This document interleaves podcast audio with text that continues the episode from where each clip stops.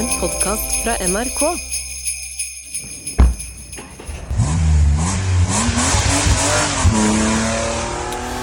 Det jeg tenkte vi kunne starte med å snakke om, det er når tid er det raskest å kjøre ifra A til B? Nå på døgnet, tenker du?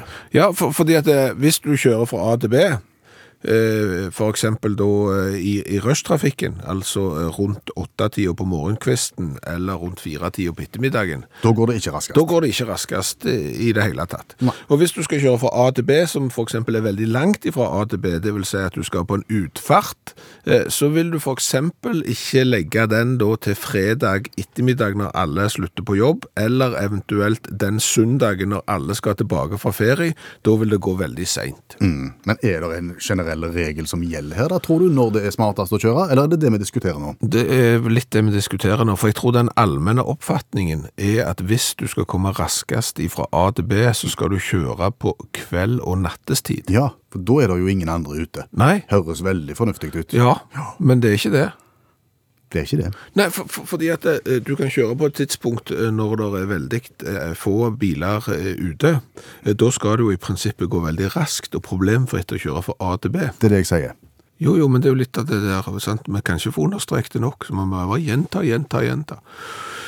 Men, men da er det jo de som har ansvar for veiene våre, de som har ansvar for eh, veivedlikehold, de som har ansvar for å eh, fikse på veiene, bygge de ut, eh, jobbe på de. Vaske tunnel. for eksempel. De har jo funnet ut at det er greit å gjøre det når det er færrest mulig biler på veien. Og det er vi jo glad for. Ja, men ikke hvis du har valgt å kjøre fra A til B på kveldstid fordi det er raskest. Da er det definitivt nesten senest. Fortell en, eh, om en reise du gjennomførte for eh, noen uker siden.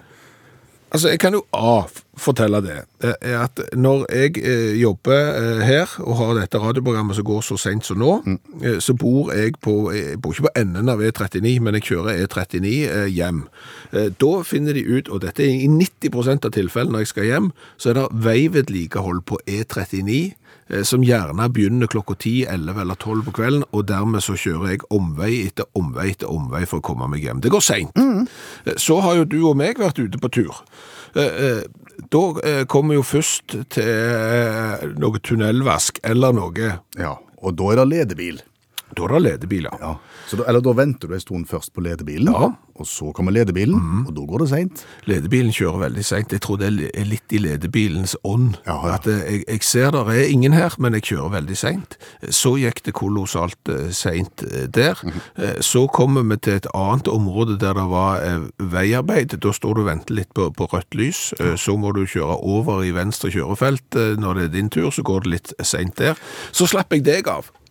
Og da trodde du at mye var gjort. Da trodde jeg at mye var gjort, eh, men da var jo klokka blitt så seint eh, at da hadde jo de begynt med disse arbeidene på E39 som jeg er vant med, og så måtte jeg jo kjøre en del omveier der òg. Og dette er jo en tur som ikke skulle ta spesielt lang tid. Det tok sykt lang tid. Konklusjonen da, altså en, en må ikke vente til 10-11-12, for, da, havner du i arbeidet. Ja, da, eh, da vil jeg sagt at da er det i, kanskje i sånn 6-7-8 tider på kvelden da. Da minker det stygt på bilene, og arbeidet har ikke begynt. Ja, da, da er min teori mellom ti på formiddagen og ett. Ja, ja.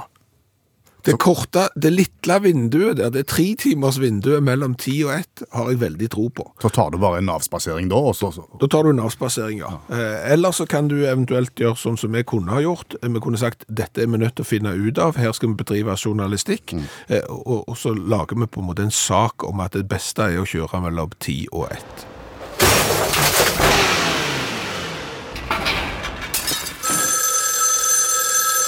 Hallo, ja. Hei, Stavanger-smurfen. Stavanger-kameratene, go, go, go, skal trege deg igjen. Du, Ja, jeg har tenkt hva da? at det NRK trenger, det er et nytt talkshow.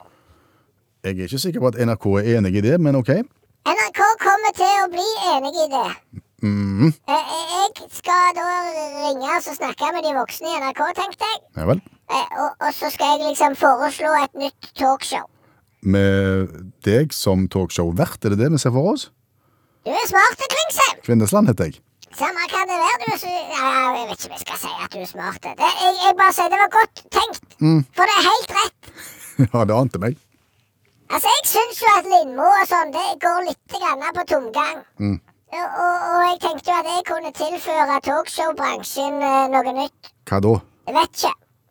Ja, Det må du vite hvis du skal ringe de voksne. Ja, ja, derfor jeg tenkte at eh, jeg er litt sånn Jeg driver i research nå, sant? Jeg prøver å finne ut liksom hvordan skal talkshow-konseptet mitt være. Ja. Eh, og da tenkte jeg på eh, om jeg gjerne kunne teste eksempel eh, Hvis du kunne vært gjest i eh, Stavanger-smurfens talkshow Go, go, go. Så, så kunne vi tatt på en måte en, en liten sånn prat nå for å se om jeg har knekt den der talkshow-koden. Ja, Det kan vi godt. Ja. Ja da. Har du et eller annet på det der med brettet som du sikkert har i radiostudioet der? Har du en sånn en litt sånn feiende flott vignett? Det skal jeg se om jeg ikke klarer å finne. Ok. Da prøver vi det. Let's go party down at the beach all day. Vær så god. Velkommen til Stavanger-smurfens eh, talkshow Go, go, go. Og i dag, eh, i kveld, har vi fått inn en eh, vaskeekte haugesunder i eh, studio. Per Øystein Klingsheim fra Haugesund, som sagt. Eh, velkommen til oss. Takk for det. Jeg vil begynne Kanskje jeg får korrigert navnet mitt. Jeg heter Kvindesland. Ja, samme kan det være. Det er en dårlig start. Velkommen til studio, iallfall. Vi er fornøyd at du inviterte. Jo, takk. Ja. Hva var det som gjorde at du ble interessert? At jeg ble interessert i hva da? Jeg vet ikke, jeg. Hva er du interessert i? Du må jo være interessert i noe når du skal Ja. være med i talkshow. Jeg er interessert i fotball og musikk, jeg. Hva var det som gjorde at du ble interessert i det? Ja, Det ble jeg utsatt for eh, som, som veldig ung gutt, og, og, og, og da ble jeg hekta både på musikken og fotballen. Ok. Er, er du god i noe av det sjøl? God å høre på og god å se på. Ja, så du har ikke evner? Det vil vise seg. Ok.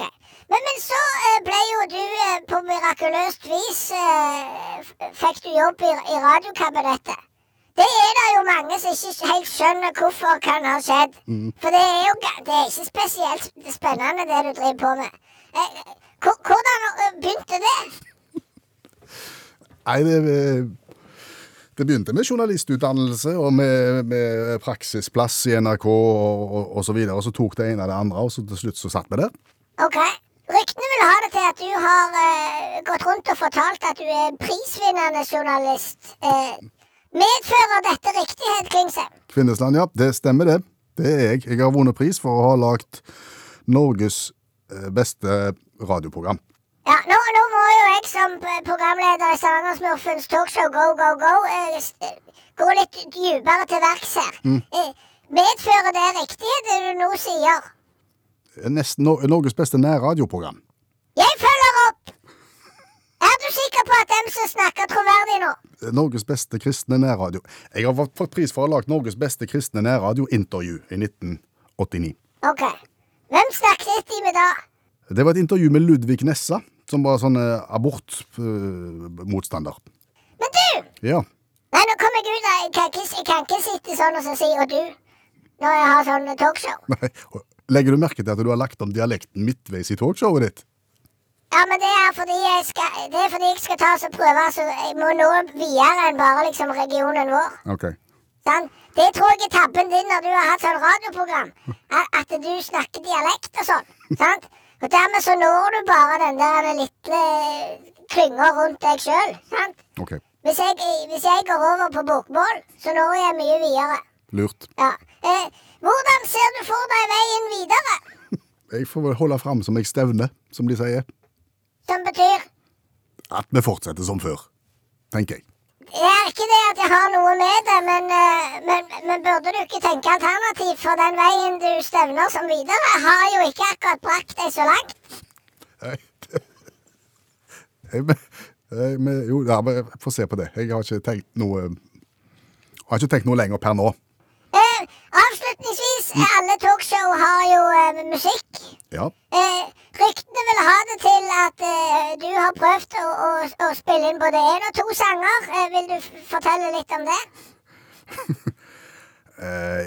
Ja, altså, en, en, veldig, veldig stor opplevelse hadde jeg jo med, sammen med kollega Skjæveland, da vi fikk framføre The Final Countdown sammen med Stavanger Symfoniorkester foran et fullsatt Viking stadion i forbindelse med Mods konsert. Det var svære greier. Ja, men de hadde vel betalt for å se på Mods, ikke for å se på dere. Det har du helt rett i. Ja. Men, men har ikke dem som så eh, lagt, eh, prøvd å lage egen musikk og ikke nådd spesielt langt ut?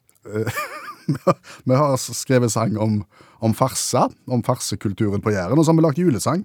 Julesang òg, ja. Ja da. Da, da kan vi jo avslutte talkshowet i, i dag med å høre på denne julesangen. Det kan vi godt. Hvor lenge varer den? Den er to-tre minutter gang. Ok.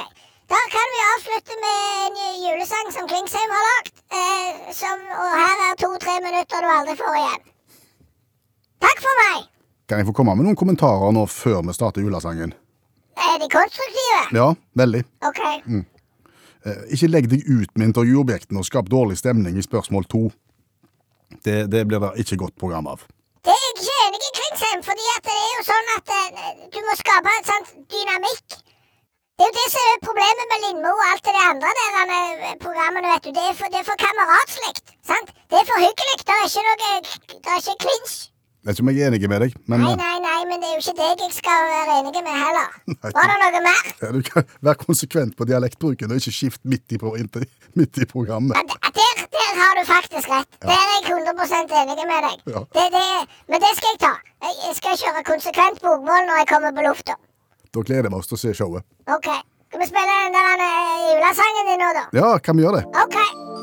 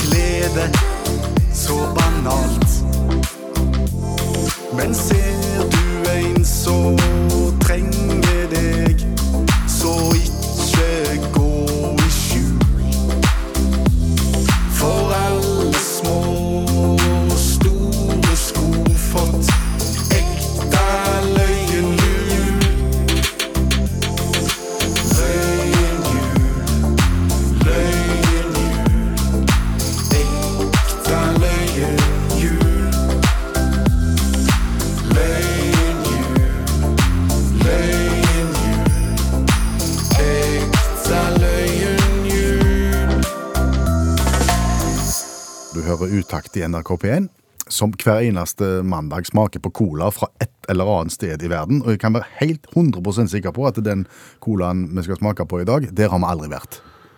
Vi har ikke vært der, nei. Nei. Det er, det er veldig, veldig få som har vært der. I- Bergen?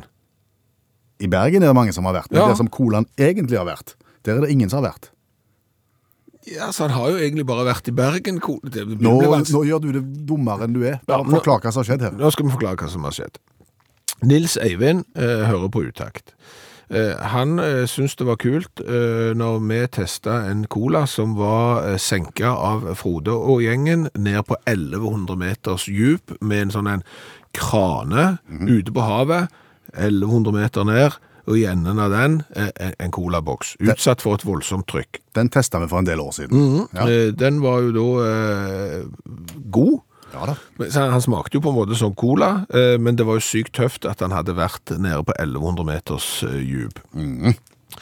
Eh, det som eh, Nils Eivind har gjort da, eh, han har da vært i et trykkammer, Med cola. ja, Nui. Eh, der har de da utsatt cola for et trykk som er tilsvarende 10 000 meters havdyp. Det er derfor jeg sier at der har ingen vært.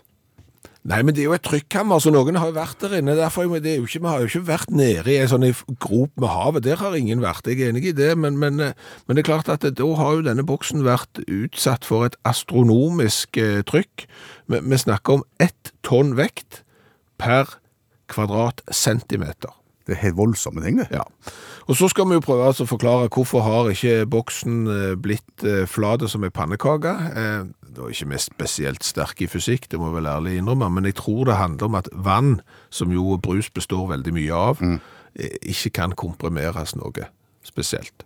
Å, Og dermed så har du CO2 inni der, og så har du kanskje et bitte, bitte, bitte, bitte, bitte lite eh, rom som ikke er fullt med cola, og, og dermed så klarer du ikke komprimere boksen mer enn eh, til bitte litt, sånn at det dermed så overlever den, sant? Altså, de, de, du klarer ikke knuse en boks fordi at vatten inni ikke lar seg komprimere.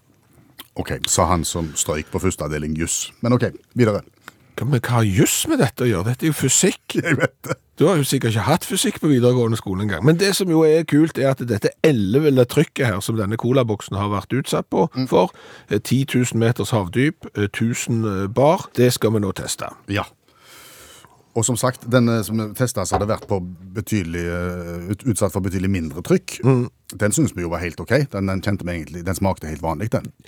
Ja, vi har vel egentlig ingen tro på at denne colaen smaker noe annerledes enn en vanlig cola, men han har vært utsatt for et voldsomt trykk, så Det er det, er du klar? Ja. Oi, Ja. der knakk du åpneren, så nå fikk du ikke åpne colaen. Vet du hva? Nei. Da eh, går vi på boks nummer to. Som er tilsvarende, har vært utsatt for tilsvarende, men det er en light-versjon. Ja, det er cola uten sukker. Det er zero-varianten. Den gikk opp. Den gikk opp, ja. Ja. Da, da må vi plutselig skifte fokus. Da skal vi teste en eh, Coca-Cola Zero som har vært utsatt for et helt voldsomt trykk. Sånn kan skje når du driver i radiokabinettet.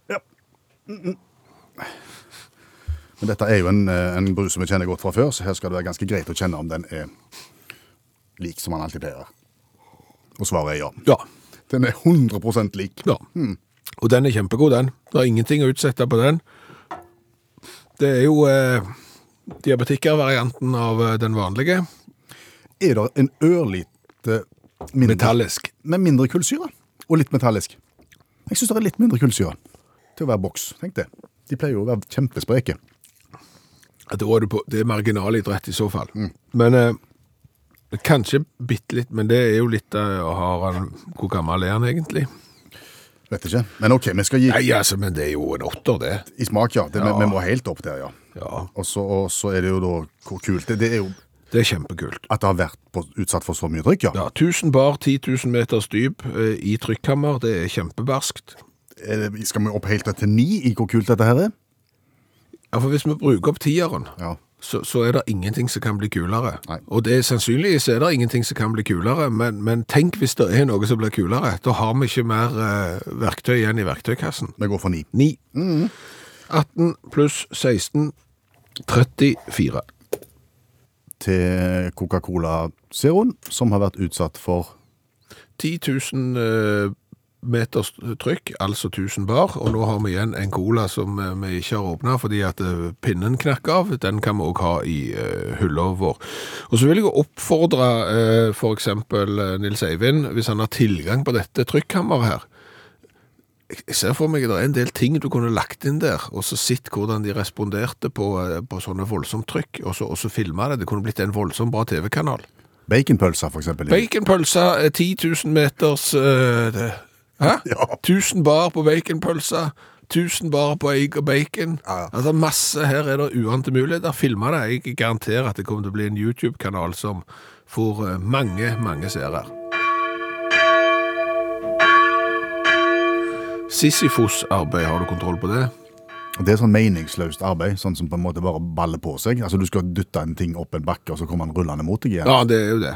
Eh, Sisyfos, eh, konge ifølge mytologien visstnok. Eh, Gudene dømte han da til å rulle en stein opp et fjell, og hver gang han nådde toppen, så rulla jo steinen ned igjen. Og så var det på han igjen. Du, du, du, du, du, på han igjen.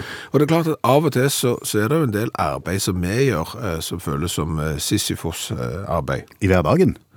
Ja. Eh, Nå, nå snakker jeg ikke om uh, jobben i radiokabinettet. At liksom, å, uttakssending igjen, liksom, å, igjen. Men jeg tenker sånn, hvis du støvsuger, så er det jo fint. Og du drikker cola nå? Det var en liten skvett igjen i glasset. Ja, ja, der ser du. Eh, eh, men det er jo sånn at eh, vi støvsuger, Ja. og så eh, føler du ikke at det går spesielt lang tid før du må støvsuge igjen. Nei, stemmer det. Hvis du maler huset, så kan du tross alt vente noen år. Hvis du støvsuger, så kan du ikke vente noen år. Så, så det er litt sånn, og så vasker du klær, og så tørker du de, og så bruker du de, og så blir de skitne, så må du vaske de igjen. Altså, det er en del sånne ting som vi gjør som føles som et eh, Sisyfos-arbeid. Ja. Og hvorfor bringer vi dette til torgs? Fordi at nå på vinterstid, så er det en ting som er så meningsløst å gjøre, som du kanskje allikevel må gjøre, men som føles som kanskje tidenes Sisyfos-arbeid. Om det er å vaske bilen. Riktig. Ja. Det er, det er ingen vits. Det, ja, men det er jo en vits, men det er jo ikke vits. Fordi at, iallfall i hvert fall der som jeg bor, jeg tror i ganske store deler av Norge, så har det vært kaldt i det siste. Da kan du ikke vaske bilen. Og, og så kjører du bil hver dag i saltrak og saltlake og all slags ting, og bilen ser jo ikke ut. Nei. Men du kan ikke vaske den, for det er jo minusgrader, og du får ikke det til å gå opp. Så fikk vi jo da eh, noen plussgrader. Da var det jo bare om å gjøre å vaske bilene. Jeg vasket begge to, Ja. og de, de ble veldig fine. Og, og spylte unna, for det er jo viktig. Det er jo derfor du vasker det, for å få vekk alt dette saltlaken og alt det som ikke er godt for bilen. Ja, ja, ja. Eh, og så tok sønnen min den og kjørte ned til, til byen fordi han skulle eh, handle en julegave. Det er kvarter hver vei. Og så kom han tilbake igjen, og da ser bilen ut akkurat som før jeg vasket den. For da har det kommet litt mildvær, da, vet du. Og det er derfor du kan vaske. Og Ja. da blir det litt mer slaps, og litt mer graps, og litt mer salt, og litt mer saus på alt. Og så var vi like langt. Ja. ja, ja. Og da får jo ikke jeg lyst til å vaske den under en time etter at jeg vasket den første gangen. Nei, nei. Så kjekt er det jo ikke å vaske bil. Nei. Dessuten var det ganske kaldt på hendene, selv om det ikke var minusgrader å stå der med høytrykksspyler i desember. Ja, Men det spørs om ikke du bare skal gi opp den der ballen der, og så får du heller vente de ukene. Og la bilen få lov til å bli skikkelig eh, impregnert av saltlake og Ja, for det, om det, han har to dager med saltlake, eller tre uker med saltlake, jeg er ikke sikker på at det betyr så mye. Ja, han er bygd i Amerika, den ene, vet du. du eh, Ja, det er sant det. ja, det der er ting som tyder på at du ikke har saltlake på amerikanske bil. Nei. Men ok. Men så er jo du over snittet glad i å ha rene bil. Der er det jo noe med deg, du vet det. Ja, det er jeg jo. Ja, Du er kjent for det i nabolaget, er du ikke det? Jo, altså eh, Nå er det så sent, jeg tror ikke kona mi hører på nå, men hun, hun syns det er bitte litt grann flaut eh, en periode når jeg vasker bilen så ofte. Det er litt mye, ja. Ja. Men, men jeg legger jo press på nabolaget, da. Det gjør du. At de føler kanskje at de må ut og vaske bil. Det er litt som eh, når en nabo hos oss som er veldig flittig til å male huset. Han legger jo på en måte et press på meg eh, til at jeg burde ha malt huset, og på den måten så kan jeg legge press på nabolaget om at de burde vaske bil. Og hvis vi får inn et par til folk i nabolaget nå som er, er friske til å gjøre noen andre ting, så får vi en sånn en dynamisk gruppe som tvinger fram eh, et veldig bra nabolag i forhold til vedlikehold. Ja, Kjempegreier.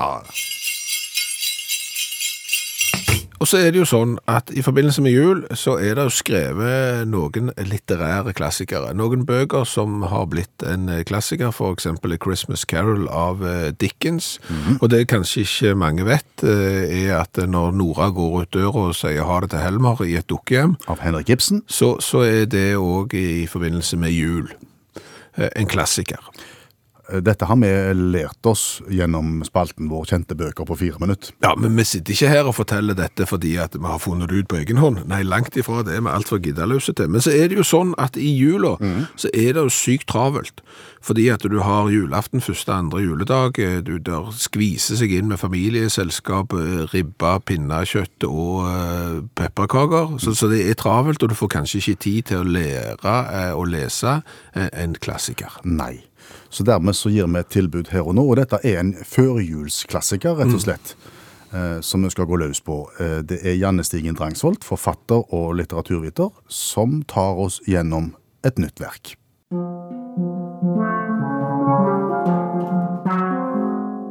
Advent fra 1937 av Gunnar Gunnarsson. Benedikt bruker adventstida til å hente ned de sauene som ble igjen på fjellet etter høstsankinga. Det har han gjort i 27 år, og det gjør han fortsatt. Selv om han bor på Island og det er grassatt kaldt og guffent. Hva har dette med advent å gjøre? Eh, nei, det er, det er litt sånn løselig knytta til Adventstilknytninga er at han gjør det i adventstida. Ok. Men hva handler dette egentlig om? Det handler egentlig om at eh, han Benedikt, han er liksom hyrden som samler sammen de fortapte sauene. Så det er jo et veldig sånn tydelig kristent grunntema, da. Eh, og eh, en vet jo at eh, på Island veldig, veldig kaldt, veldig mye vind, veldig mye regn, og så blir det jo storm, da. Så det er ikke så lett for, eh, for Benedikt, selv om han har med seg hunden Leo og sauen Knasten. Samle inn sauer ved hjelp av en hund og en sau. Kom an. Det er liksom en sånn slags sjefsau, på en måte. Knasten tuller du ikke med? Han er liksom litt smartere enn de andre sauene. Så han liksom 'Kom an, og du kan ikke være her.' Og så går de liksom ned. For knasten liksom, får han være med inn og ligge foran peisen sammen med hunden og sånn? Han gjør det. Så dette, de, det er liksom de tre. Der er en hest òg, men den kan, han kan ikke være Det så. Det er så dumt når han er inne foran peisen. Ja, Han må jo stå ute. Men, men du sier at det er ikke spesielt mye advent. Jeg vil jo si det er mye advent i her. Med hyrdene og ventetid og går ute videre. Det er jo på en måte det det handler om. ja, ja. ja. Du har helt rett. Det er jo det. Eh, Det ender jo med at eh, han, han klarer jo å redde disse nedfra. Så det er jo liksom Det er jo det Jesus gjør. Redde oss alle fra evig fortapelse. Så dette det er jo et helt tydelig adventstema. Det er jo det. Hvem blir imponert dersom vi sier vi har lest advent? Eh, jeg tenker at For dette her er jo på nynorsk, så jeg tenker mållagsfolk. For de blir ofte litt sånn gretne, det er min erfaring, særlig når du er på fest og sånn. Eh, så har de mye sinne inni seg, for det er jo liksom den konstante kampen mot bokmål. Så dette, der kan det være lurt å kunne komme trekkende med denne. Og så tenker jeg òg turistforening. For han er jo mye ute, han Bendik. Går i fjellet og har gode klær. Så dette, tenker det òg er Ja, Sau- og geitallslagfolk, tenker jeg også. ja, ja, ja, de òg. De òg. Så det er ganske mange sånn, sånne litt sånn Ikke perifere grupper, men spesielle grupper som en kan treffe med denne boka, og det er fint. Er det et sitat som er berømt? Ja. Det er dette. For mennesket har sine ting i tankene, dveler ved seg sjøl og sitt bortom dauden. Åttast å misse livet, dette virkelige av alt virkelig, dette skjøreste av alt skjørt, dette mest uendelige av alt uendelig, redd for å misse det ord hendene. Det handler jo om å dø, at en er redd for å dø. Og det kan du jo fort føle litt på når du er oppe på fjellet sammen med Leo og Knasten i førjulstida. Er det ei veldig trist bok? Nei, den er veldig, veldig fin. Den er veldig, veldig fin, og han er veldig Han er ganske kort, som dere ser. Og eh, en ting som vi liker godt i denne spalten Bilder. Små bøker med lite tekst og bilder midt i blinken. Så denne anbefales. Den er jo perfekt nå i adventstida.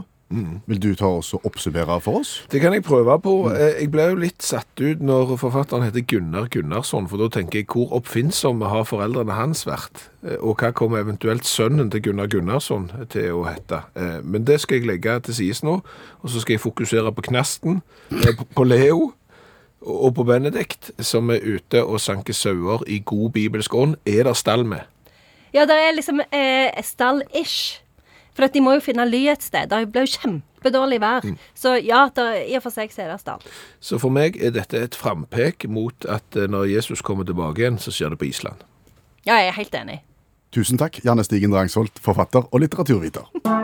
Glade jul, Hellige jul med din glede og barnlige lys det er å se der Ja, nå skal vi, ikke, vi skal ikke gå ned den veien, Jo, vi skal gå litt ned den veien. Eh, Julesanger er framført på, på ymsevis i åravis. Eh, Fra orgelmusikk i, i kirka til korpsmusikk, eh, til barnekor osv. Men, men, men det er jo sånn, for, altså Glade jul er jo eh, en konsekvens av et orgel som var oppspist av mus. Stemmer det? Der er det en god historie. Ja, altså de skulle vel spille julesanger eh, i hva tid er vi? Jeg tror vi starten av 1800-tallet. Eh, Så var det jo julegudstjeneste, og så hadde, når en liten mus skal ut og gå, vil jeg finne, spise opp et orgel nå. Eh, Så de hadde lagt bedehull i belgen, Ja. og dermed så var det litt lite fus i orgelet. Så da ble det stille natt. Da ble det, så, så var det han der eh, Gruber og en annen. Eh, Så, så lagde da en julesang, eh, og så spilte eh, Gruberen på gitar. Fordi de ikke hadde orgel. Og så ble jo det en klassiker. Vi syns jo kanskje at det instrumentet som skaper aller mest julestemning hos oss, Ja. det er, Det er panfløyta. det er pa- panfløyta, ja. Eh, Og jeg liker òg marsipanfløyta. Ja, det, den er enda bedre. Ja, men men det, prøv, prøv det. Det er et veldig fint bilde. Du tar de marsipanstengene, sant? så kapper du de opp i forskjellige lengder, og så legger du de bortover på tallerken, så serverer du, serverer du marsipanfløyta. Ja. Det er veldig fint. Men, men det gir oss julestemning. Helt til. Nils Trygve Hauge Mm. eh, sendte oss sin julekantate for en tid tilbake. Ja, for, for det er kanskje den sterkeste besetningen vi har eh, noensinne møtt i, i en eh, julesang. Det er da eh, 30 flasker eh, av eh, ulik eh, Altså, de, noen er tomme, og noen er litt mindre tomme. Dermed så får du toner i de. Ja. Eh, det er da julekantate, som sagt, for 30 flasker, to haner og en 20 hester Rubb Wickman-motor. Vakrere blir det ikke. Nei, altså for å si det sånn, hadde du hatt panfløyta på toppen, så hadde jeg begynt å grine, eh, men det er det ikke. Det er altså 30 flasker, to haner, 20 hester Ruppe Wickman motor. Nyt.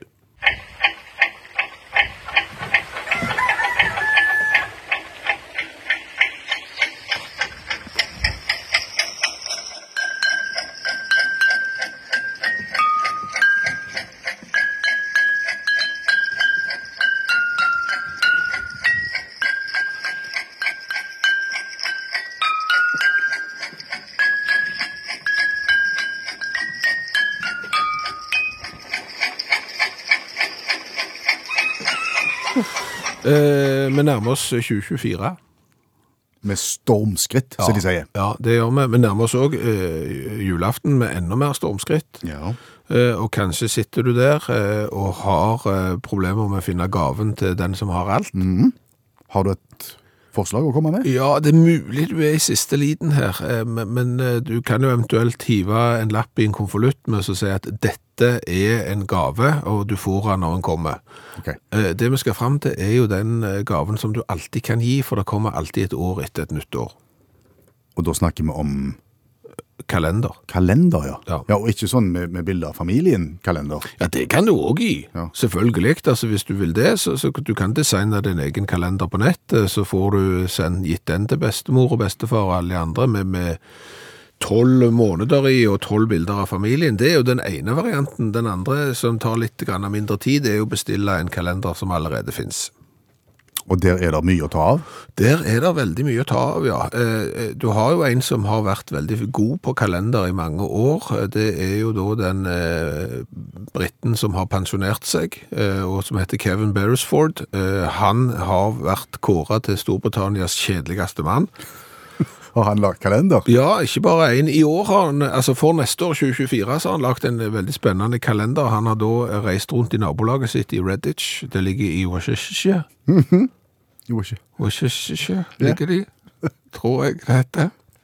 Eh, Der har han tatt bilder av kolonihager i, i hjembyen sin. Ok, Eh, Bilder av en kolonihage i hver måned. kjempegreier. Bildene er ikke fine heller. Nei. Han har jo tidligere lagt eh, kalender med rundkjøringer, eh, parkeringsplasser og eh, eh, Jack Grealish sine kalver. Og jeg lurer på om det ikke er fotballspilleren Jack Grealish sine kalver, men en annen Jack Grealish sine kalver. Så det er ikke spesielt spennende det heller. Nei, men det må jo være presangen til den som har alt. Absolutt, du kan, og hvis ikke det var godt nok, så har du mange sånne vovete kalendere. Du har på en måte naturens egne rumper, altså det er jo da bilder folk har tatt av ting i naturen som ligner på rumper. Eh, Det er en egen soppvariant der, det er veldig mange sopper som ligner på rumper, den kan du ta. Du kan også kjøpe deg kalenderen motiverende sitat fra avslappede katter. Altså det er da en katt for hver måned som ligger i en sånn avslappet positur, eh, og så har de lagt en snakkeboble da med et motiverende sitat. Som noen har kommet på. Som noen har kommet på, ja. Ja. Eh, hvis det ikke er noe, så finnes det en egen kalender med demotiverende sitat. Det er litt sånn, hver dag er en ny mulighet til å rote det til igjen, Ja, ja. eh, kalenderen. Den har du. Du har jo eh, flere varianter av hunder som driter kalenderen. Bilder av hunder som driter. Ja, eh, den fineste er nok kanskje hunder som driter på flotte steder. Den har jeg fått reklame for på Facebook. Ja, der kan du eksempel finne hunden Indy som gjør fra seg med et spektakulær utsikt over Stillehavet, f.eks. eksempel. Du har den britiske høyspentkalenderen, den... Bilder, bilder av høyspentmast. Ja, og også i tillegg så er han veldig pedagogiske, fordi at han forklarer på en måte biter av eh, høyspentverden. Yes. Eh, han har fått kritikk for å være eh, overkant detaljert i sin pedagogikk, og det kan jeg bekrefte, for jeg har vært og sett på han. Det, det er så med Veldig mye om og men. Veldig, veldig mye ord, men en, en- en kalender som selger mye år etter år, det vil jeg si er, er klassiker innen kalenderverden. Det er jo hockeysveiskalenderen. Bilder av de flotteste hockeysveisene. Du har kalenderen for uh, bilder av stygge barn i renessansekunsten. Der er det mye å hente. Du har stygge sofaer-kalenderen. eh, og hvis du er spesielt interessert, uh, så kan du enten kjøpe containerbrennkalenderen. Det er jo da containere som brenner tolv bilder av det, eller forlatte madrasser. Det er sånn du har gjerne sett at det ligger madrasser rundt omkring i naturen. Folk har tatt bilder av de, lagt kalender. Jeg ville gått for høyspentkalenderen. Den syns jeg. Den britiske høyspentkalenderen 2024. Det, altså, det, får du den til jul, så, så vil du ikke ha noe annet. Da har du fått presangen. sangen, jeg. Jeg har sett bilder fra hockeysveiskalenderen, og jeg vil si, den går jeg for.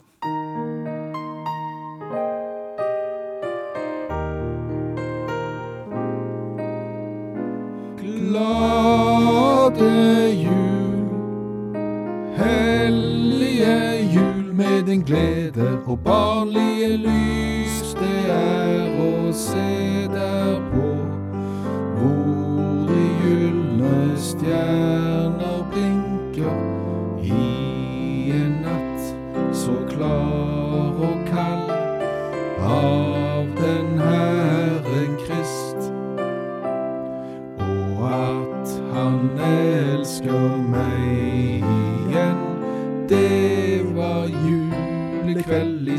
skogen, skulle være fest for Rudolf er rød på nesen.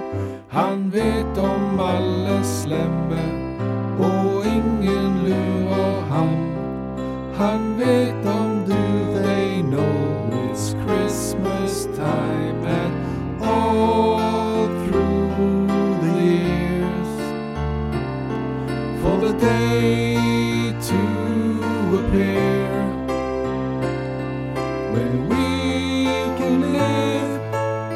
just like the ones I used to know.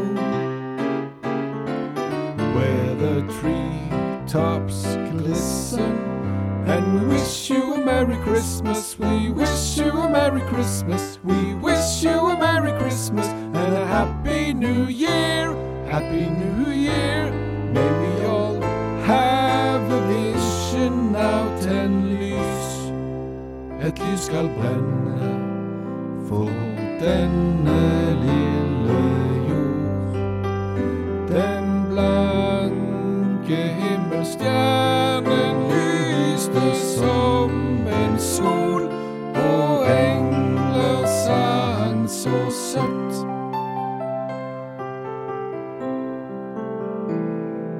Vi er jo innenfor uh, høysesongen for det å være nisse. Ja. Det er jo ikke så veldig mange som er nisse, f.eks. i mai. Så, så det er liksom nå i desember. Men når du da er ute og er nisse, Ja. nisser du da? Verbet å nisse. Ja, ja. Er det et verb?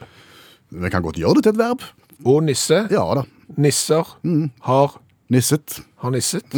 Har nasse? Nei, Nei, nisset. ok, greit. For det er nemlig verdensrekorder i nissing.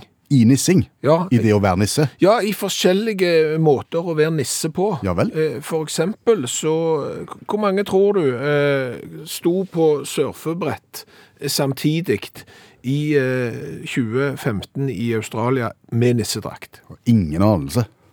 250. Ja, det var ikke, var ikke gale, det. Nei. Det var over 300. Ja vel.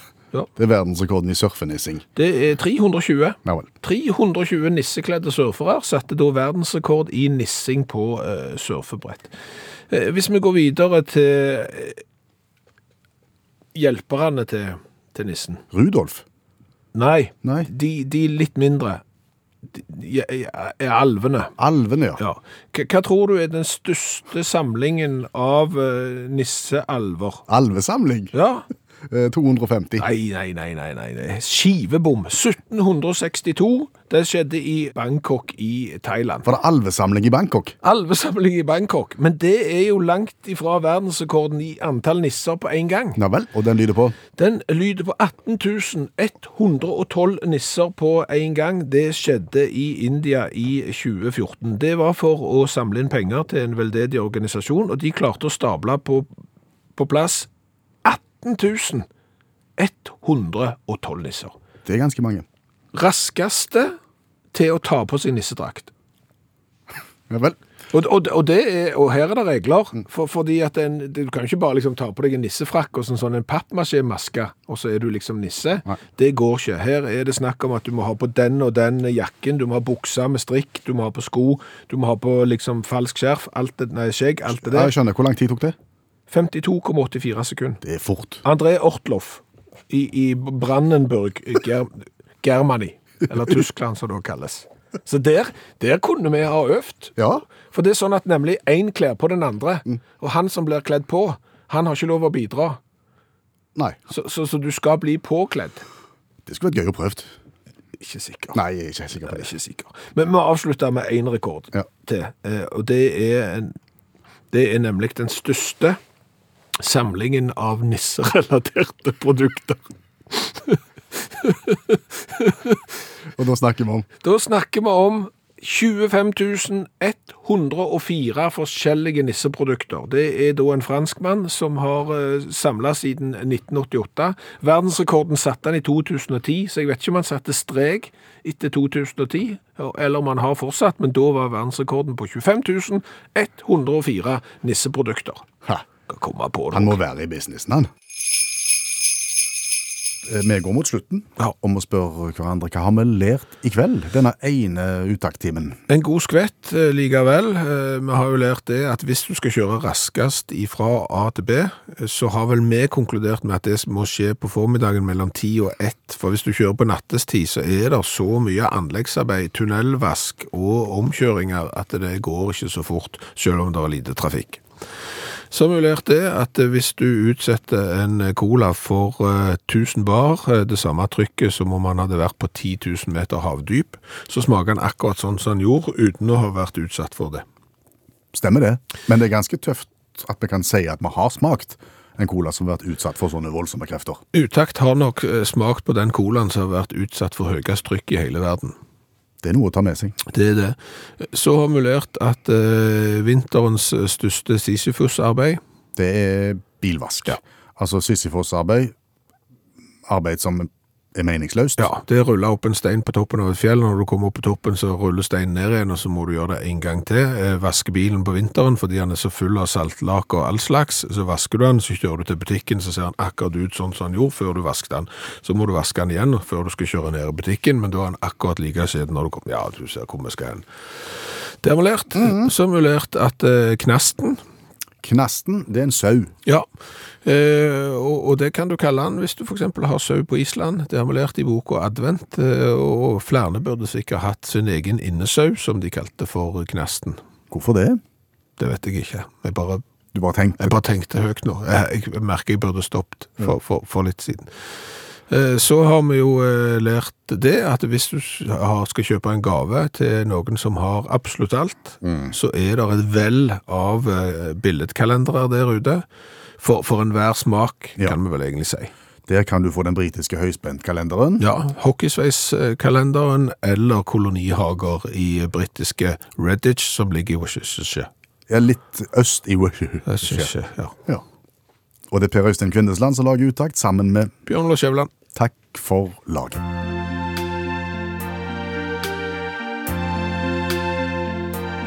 Christmas trees of green, red Santas too. I see them blue for me and you, and I think to myself, what a wonderful year. Du har hørt en podkast fra NRK. Hør alle episodene kun i appen NRK Radio.